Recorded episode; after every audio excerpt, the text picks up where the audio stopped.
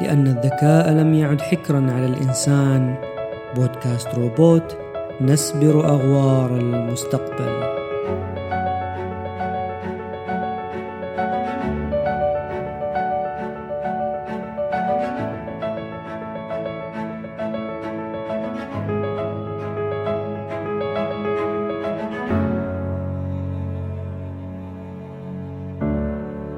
الحاجة أم الاختراع. هذا المثل نستخدمه بين الحين والآخر في إشارة إلى أن حاجتنا لأمر ما هي الدافع لنا للبحث عن حلول والخروج بابتكارات. قد تكون هذه المقولة صحيحة ولكن ليس دائما. هناك العديد من الاختراعات التي لم تأتي من حاجة وإنما أتت بالمصادفة أو نتيجة فضول ما أو حتى جاءت بها الطبيعة. العديد من الاختراعات تعرضت للإهمال والتجاهل لعدم الحاجة لها أو عدم تقبلها من المجتمع أو عدم الإقبال عليها. تكنولوجيا المعلومات ليست استثناء فقد سكبت علينا كمية ضخمة من الاختراعات والطفرات التقنية سواء كانت ملموسة على شكل أجهزة أو غير ملموسة كالبرامج والتطبيقات ولكن في الغالب لم تظهر تلك الاختراعات التقنية من باب الحاجة وإنما أتت في غالبها من باب أن لدينا بين أيدينا أدوات تقنية قوية ورائعة ويمكننا إبداع حلول متعددة بغض النظر عن الحاجة لها. إذا كنت شخصا مهتما أو متخصصا بالتقنية فإنك ستكون على علم بأن ما نستفيد منه من تقنية المعلومات ما هو إلا أبسط وأقل بكثير من الإمكانيات الحقيقية المتاحة. ولكن عدم وجود الدافع المحفز أو الحاجة الحقيقية لم يجعلنا نلقي لها بالا أو نفكر في استخدامها بشكل كامل. ولكن أتى عام 2020 ومعه جائحة كورونا ليقلب جميع الموازين والحسابات ويصنع لنا مثلا جديدا يقول الحاجة أم الاستخدام.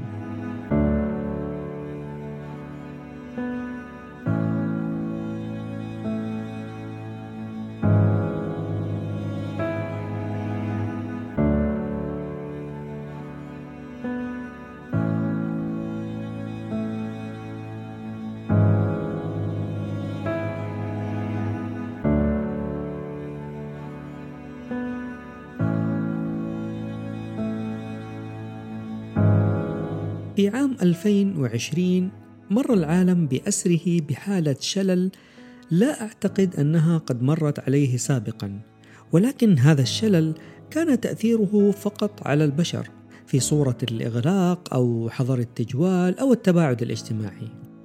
ولكنها وفي نفس الوقت أطلقت العنانة وكامل الحرية للتقنية حتى تتسيد المشهد العام ولسان حالها يقول الآن حان دوري لأثبت أنني شريك أساسي في بناء هذا العالم. في الحقيقة العام الماضي اختصر سنوات كثيرة كان على تقنية المعلومات قطعها للوصول لهذا المستوى من الاستخدام والانتشار. فإنني لن أكون بالغا عندما أقول أن مستويات استخدام التقنية والتحولات الرقمية التي جرت في العام الماضي لم تكن لتحصل إلا بعد عشر سنوات على الأقل إذا كان عام 2020 عاما اعتياديا. فقد وفر ذلك العام الاستثنائي مرونة كبيرة جدا لتنفيذ خطط ومقترحات التحول الرقمي لدى المنظمات المختلفة فأصبح من السهل جدا إقناع المستثمرين ورؤوس الأموال بجدوى تبني وضخ الاستثمارات لتمكين التقنية داخل منظماتهم. في الواقع أن المنظمات خصوصا تلك التي لديها مستويات نضج إداري مرتفعة تلك المنظمات قد أعادت تموضع إدارة تقنية المعلومات لديها حتى من قبل الجائحة. في السابق كان دور إدارة تقنية المعلومات أو ما درج على تسميته ب IT اختصارا ل Information Technology كان دورها متلازما بشكل كبير بالشق التقني البحت. فلم تكن تنفك عن كونها تقوم بتوفير التقنيات المختلفة ومن ثم صيانتها وتوفير الدعم لها.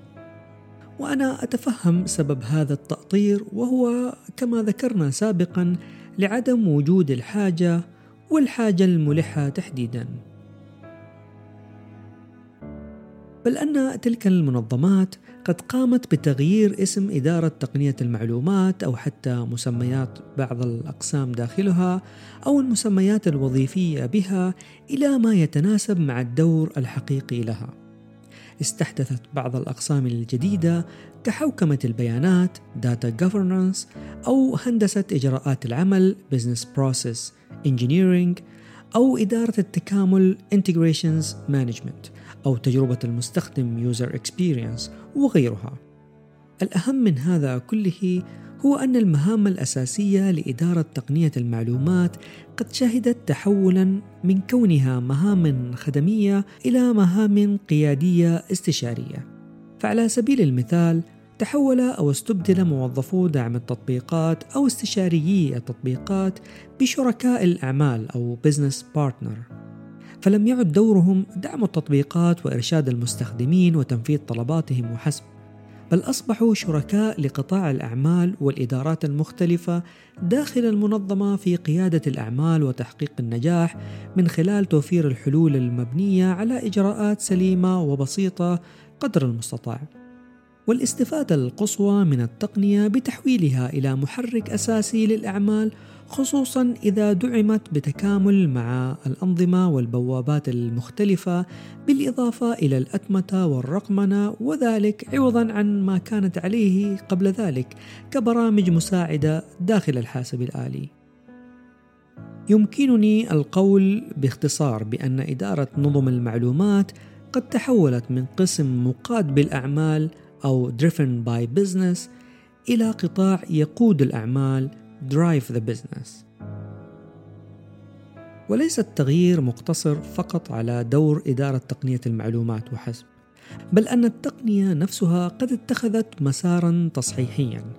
ففي السابق وحتى الآن كانت تتسم الأنظمة البرمجية بشكل عام وتحديدا أنظمة إدارة الموارد المؤسسية أو ما يسمى ERP بشكل خاص بالجمود وافتقارها إلى القيمة المضافة لفترة طويلة سيطرت شركات ضخمة على سوق أنظمة إدارة الموارد المؤسسية أو ERP وقدمت حلول قوية جدا ولكن لديها مشكلتين أساسيتين. الأولى أن واجهات المستخدم والإجراءات والعمليات في هذه الأنظمة لا تراعي أن المستخدم النهائي لها هو الإنسان وكأنها صممت للآلات وليس للبشر قد أبدو مبالغا ولكن هذه هي الحقيقة فهي صعبة الاستخدام وشاشاتها صعبة الفهم وتفتقر إلى التنسيق بالإضافة إلى أنك تحتاج إلى خطوات كثيرة للقيام بعملية بسيطة كإصدار فاتورة مثلا.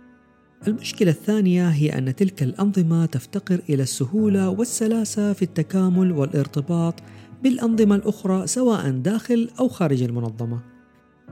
هذا غير كونها تحتاج إلى جيش من الموظفين التقنيين والمستخدمين المحترفين لتشغيلها وإدارتها لتجد المنظمة نفسها تستنزف مواردها في تشغيل أنظمتها عوضا عن التركيز على أعمالها الأساسية. مرة أخرى ما حدث في العام الماضي قد خلق الحاجة إلى سهولة التحول الرقمي والتكامل والارتباط بالأنظمة المختلفة والذي توفره أنظمة مبتكرة لإدارة الموارد المؤسسية أو ERP موجودة في سوق التقنية منذ فترة ولكن كما قلنا سابقا لم يلتفت إليها الكثير لعدم الحاجة من جهة وعدم الفهم للطريقة المبتكرة لتلك الأنظمة أحيانا من جهة أخرى. تهتم تلك الأنظمة الحديثة بتجربة المستخدم أو user experience أكثر من التركيز على واجهة المستخدم أو user interface كما أنها تتيح تكاملا سهلا وبسيطا مع بروتوكولات ارتباط متعددة بل وبعض أدوات التكامل تلك سهلة لدرجة أنها لا تحتاج إلى تقني مختص للقيام بها على عكس الأنظمة العملاقة. هذا بالإضافة إلى سعرها المنخفض جدا ودعمها لجميع الأنظمة الحديثة ولغات البرمجة البسيطة المختلفة. وبالعودة إلى عام 2020 فإنها لم تقتصر على تسريع تحويل قطاع الأعمال تقنيا. فهناك قطاع مهم جدا ويلمس كل منزل وهو قطاع التعليم الأساسي والعالي.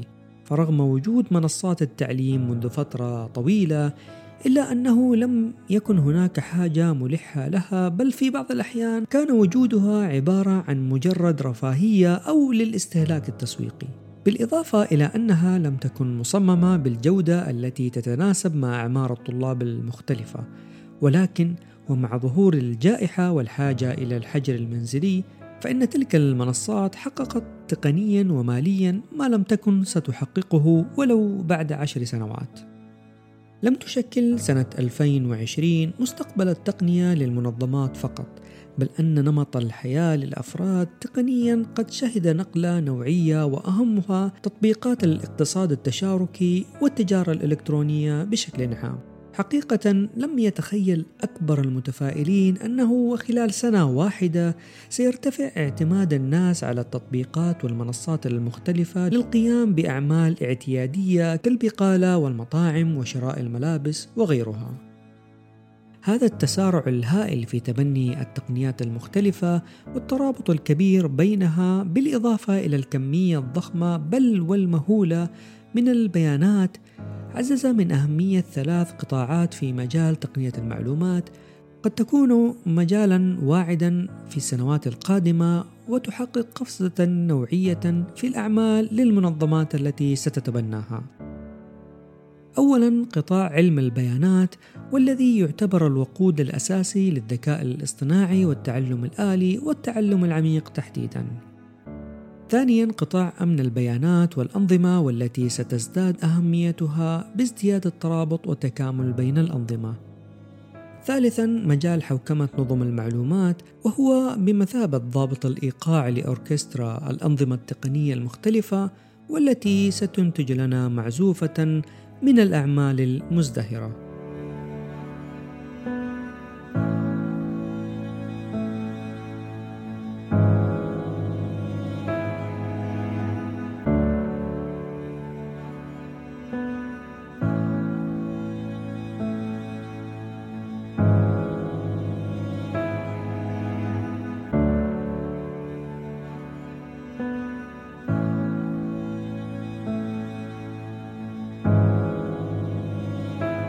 في أزمنة مضت كان وجود حدث كبير مثل الكوارث الطبيعية أو الحروب أو الأوبئة سببا لإنشاء كوارث أخرى اقتصادية واجتماعية. ولكننا وفي هذه المرة ورغم أن الجائحة قد شلت الحركة في جميع أنحاء العالم بدون استثناء، إلا أن التعليم والأعمال استمرت عن بعد، والاحتياجات اليومية تم تلبيتها عن طريق التطبيقات المختلفة. وبقي التواصل الاجتماعي بالصوت والصورة متاحا للجميع ولو فرقت بينهم المسافات. لقد رسمت سنة 2020 جدول الأعمال الجديد لتقنية المعلومات للسنوات القادمة، فإن كل الخطط قبل ذلك العام لم تكن ولا أكثرها تفاؤلا تتصور هذا التسارع الهائل في تبني التقنية